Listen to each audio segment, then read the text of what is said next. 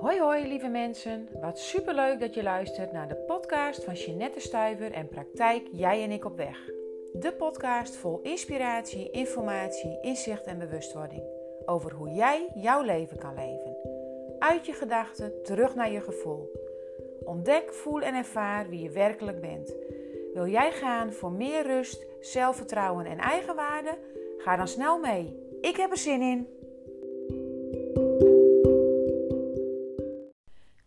En hier weer een volgende podcast voor jullie, voor jou, als je luistert. Een podcast over ontvangen. En waarom een podcast over ontvangen? Ja, eigenlijk om de volgende reden. Ten eerste omdat dat voor mezelf altijd ontzettend lastig is geweest in mijn leven. Ik was een enorme gever, uh, ja, stond altijd voor de ander klaar en vergat daarin mezelf. Maar ook, ja, ik zie dat bij heel veel vrouwen die bij mij in de praktijk komen. Ze kunnen heel goed voor de ander zorgen. Ze kunnen er heel goed voor de ander zijn. Maar zodra het om hunzelf gaat, of zodra ze iets mogen ontvangen, dan zie je dat ze ongemakkelijk worden en zich daar eigenlijk helemaal niet zo fijn bij voelen. Ook zijn het vaak vrouwen die het ontzettend lastig vinden, ja, om te kiezen voor hunzelf, om keuzes te durven maken. Dus ik wil je gewoon eens even meenemen in een stukje ontvangen. En uh, ja, hoe is dat voor jou? Hè? Uh, kun jij ontvangen? Want ja, het klinkt natuurlijk best wel heel vanzelfsprekend en heel gewoon. Maar geloof me, dat is voor velen absoluut nog niet zo makkelijk. Dus ga eens bij jezelf na. Hè? Als uh, ja, je iemand anders tegenkomt. En stel je hebt nieuwe kleding aan, een mooie nieuwe jurk of een mooie nieuwe jas. En die ander zegt van, wauw, wat zie jij er mooi uit. En bedenk nu eens in een paar seconden wat dan jouw eerste antwoord zou zijn.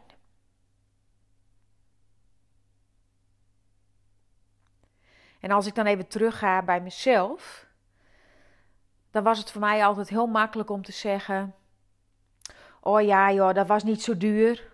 Of uh, heb ik in de opruiming gekocht. Of uh, en zomaar heel snel het onderwerp veranderen. Omdat ik het eigenlijk ontzettend lastig vond om een complimentje te ontvangen over dat ik bijvoorbeeld zo'n mooie jurk of zo'n mooie jas aan had. En wat gebeurt er bijvoorbeeld bij jou op het moment dat iemand jou iets geeft en jij hebt niks voor die ander. Hoe is dat voor jou? Denk daar eens even over na.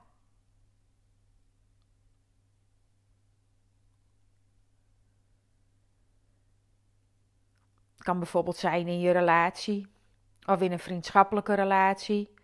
Hè, dat je partner of je vriendin met een cadeautje voor je aankomt, of je een kaartje heeft gestuurd, hoe voel jij je dan? Voel jij je dan juist ongemakkelijk of bezwaard?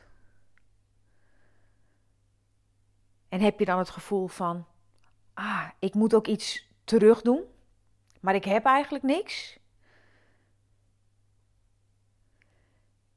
En ook kunnen er van dat soort gedachten en zelfs zinnen bij je opkomen dat je tegen iemand zegt: Ja, hartstikke lief joh, maar dat had je niet hoeven doen. Of uh, in de trant van: uh, Hé, wat vervelend nu, maar nu heb ik heb niks voor jou. Dat zijn eigenlijk allemaal weer zinnetjes en momenten ja, die je laten zien dat je het lastig vindt om iets te ontvangen. Want hoe zou het voor jou zijn als je zegt: Dankjewel. Wat lief, wat leuk. Hier ben ik ontzettend blij mee. En vaak zie ik ook bij mensen, uh, want ik ben nog steeds een enorme gever. Ik hou er nog steeds van om uh, ja, cadeautjes te geven of kaartjes te schrijven of uh, ga zo maar door. En ook zie ik dan heel vaak bij mensen dat ze daar ja, me heel vaak voor gaan bedanken. Dus dat ze heel vaak zeggen: Oh, wat lief, dankjewel, bedankt voor je kaartje. Of, ehm, en niet één keer, want dat is natuurlijk prima en oké, maar meerdere keren in één gesprek. En vaak herken, herken ik dan ook gelijk dat ik denk: Ja, weet je, jij vindt het vast lastig om te ontvangen. En tuurlijk herken ik het ook zo nu en dan wel bij mezelf. Dat, dat iemand met iets aankomt en uh, ja, dat ik zeg: Oh joh, dat had niet gehoeven. Of, maar hoe mooi is het dat je kunt zeggen: Dankjewel. Wat leuk, wat lief. En vaak als uh, ja, uh, vriendinnen bijvoorbeeld wat voor je doen. Hè? Laat nou staan, je zit in een, in een vervelende periode het loopt niet zo lekker met je vriend, of het is bijvoorbeeld net uitgegaan met je vriend, en dat er dan ineens je hele vriendinnengroep voor jou klaar staat. En dat je daar bijna ongemakkelijk van wordt, of helemaal ongemakkelijk van wordt, dat je denkt: oh, jeetje, ik, ik kan gewoon nooit weer iets terug doen. Op, ja, weet je, ik ben hier zo blij mee. Hoe zou ik dat ooit weer, ja, uh, de andere kant uit kunnen doen? En vaak ga je dan ook gelijk nadenken en uh, iets bedenken waarvan jij wilt dat je dat terug gaat doen. Maar geloof mij, als al die vriendinnen daar zijn voor jou, ja, dan kan ik bijna met 100% zekerheid zeggen dat jij er dus, als het met die vriendinnen niet goed gaat, ook bent voor hun. Dus vergeet dat niet, hè? Dat, dat, weet je, als jij veel geeft, vinden mensen het ook fijn om jou wat te geven. Alleen is het dan wel belangrijk dat je het natuurlijk ook kunt ontvangen. Dus dat zijn ja, allemaal van die momenten waaraan je kunt voelen, waaraan je kunt ontdekken wat jij doet op het moment dat je iets krijgt. Dus dat je iets mag ontvangen. Want het kan gewoon zijn ja, dat je dat niet zo hebt geleerd in je leven. Hè? Dat je hebt geleerd in je leven om maar te geven om er maar voor die ander te zijn, om te zorgen, te redden, te pleasen. Echt allemaal van die delen in jou die, ja, die dat heel goed kunnen, die dus ook heel erg bezig zijn met de ander. Ja, dan kan het zomaar zijn dat ontvangen absoluut niet makkelijk is. En toch is het belangrijk dat geven en nemen in balans staat. Op het moment dat jij alleen maar geeft, en niet ontvangt, of niet kan ontvangen, dan kan het zo zijn dat je op een gegeven moment onbalans in je leven gaat ervaren. Of onbalans in jezelf gaat ervaren. Soms geen idee hebt waar dat vandaan komt. Maar eigenlijk zit je dan ja, in een rol die niet helemaal passend is. Zo is het natuurlijk ook niet helemaal passend als je alleen maar zou kunnen ontvangen. Dus dat je alleen maar die ander nodig hebt, cadeautjes van die ander nodig hebt, complimentjes van die ander nodig hebt, om jou goed te voelen. En soms kan dat er zelfs nog onder liggen, hè? als je niet kan ontvangen, dat je dan het gevoel hebt dat je nooit wat krijgt. Maar het kan zijn dat je dat dan zo ongemakkelijk vindt, als iemand jou iets geeft, dat je het gewoon niet kan horen en voelen en dat daar een laagje overheen komt. Ja, en dan merk ik ook wel eens dat mensen het gevoel hebben, uh, ja, dat er bijvoorbeeld iets van een soort schuld openstaat op het moment dat ze iets van de ander hebben gekregen en zij nog niks terug hebben gedaan. Dus dat er dan ja, continu zo'n knagend stemmetje in je zit die zegt ja, dat je nog wel iets terug moet doen, want je hebt iets gekregen. En uh, ja, daar heeft die ander dus iets voor gedaan. Dus het is ook belangrijk dat je die ander daarvoor iets teruggeeft. En dan kan het zomaar zijn ja, dat je je daar gespannen door gaat voelen. Ja, je stress daardoor wat omhoog gaat. En zeker als je het lastig vindt om te ontvangen, dan kan dat al voor stress zorgen. Dat je dit soort dingen doet waar ik het net over had, zijn natuurlijk ook een aantal dingen, ja, die dan voortkomen vanuit stress. Dat je daar eigenlijk weer zo snel mogelijk bij dat ongemakkelijke gevoel vandaan wilt. En zo kan het dan ook zomaar zijn dat je dan pas weer kan ontspannen, dat je je pas weer fijn voelt op het moment dat jij iets terug hebt gedaan voor die ander. En ja, ik wil je eigenlijk graag de uitdaging meegeven waarin uh, ja, je mag kijken naar als een ander iets voor je doet, dat je dan kan zeggen: Wauw, wat lief, dankjewel. Of wat mooi, hier ben ik heel blij mee. Of wat fijn, hier kan ik van genieten. Dus echt iets in de vorm van dankjewel. En het niet ontkrachten door iets terug te doen. En het niet ontkrachten door iets terug te zeggen waarvan jij vindt uh, ja, uh, dat je dat moet zeggen omdat je het zo lastig vindt om te ontvangen. Nee, maar juist uh, vanuit het moment om te laten zien dat je er echt, echt blij mee bent. Dat je er van kan genieten. Dat je het mooi vindt. Dat je er dankbaar voor bent. En dat je niet iets terug hoeft te doen. Dat je het dus aan mag nemen. En misschien herken jij dit ook wel bij jezelf, hè? dat je het best lastig vindt om te ontvangen en dus heel makkelijk om te geven. En uh, ja, dan kan dat een hele mooie oefening zijn. Dus om ja, daadwerkelijk iets te ontvangen en daarbij te zeggen van dankjewel. Wat mooi, wat lief. En wat ik al eerder zei, het is belangrijk dat geven en nemen in balans is. Anders ga jij een onbalans ervaren. Geven en nemen hoort ook in balans te zijn in een relatie. En het is echt niet zo dat als mijn partner vanmiddag met een bos bloemen thuis komt, ik vanavond naar de winkel ga om een reep chocola voor hem te halen.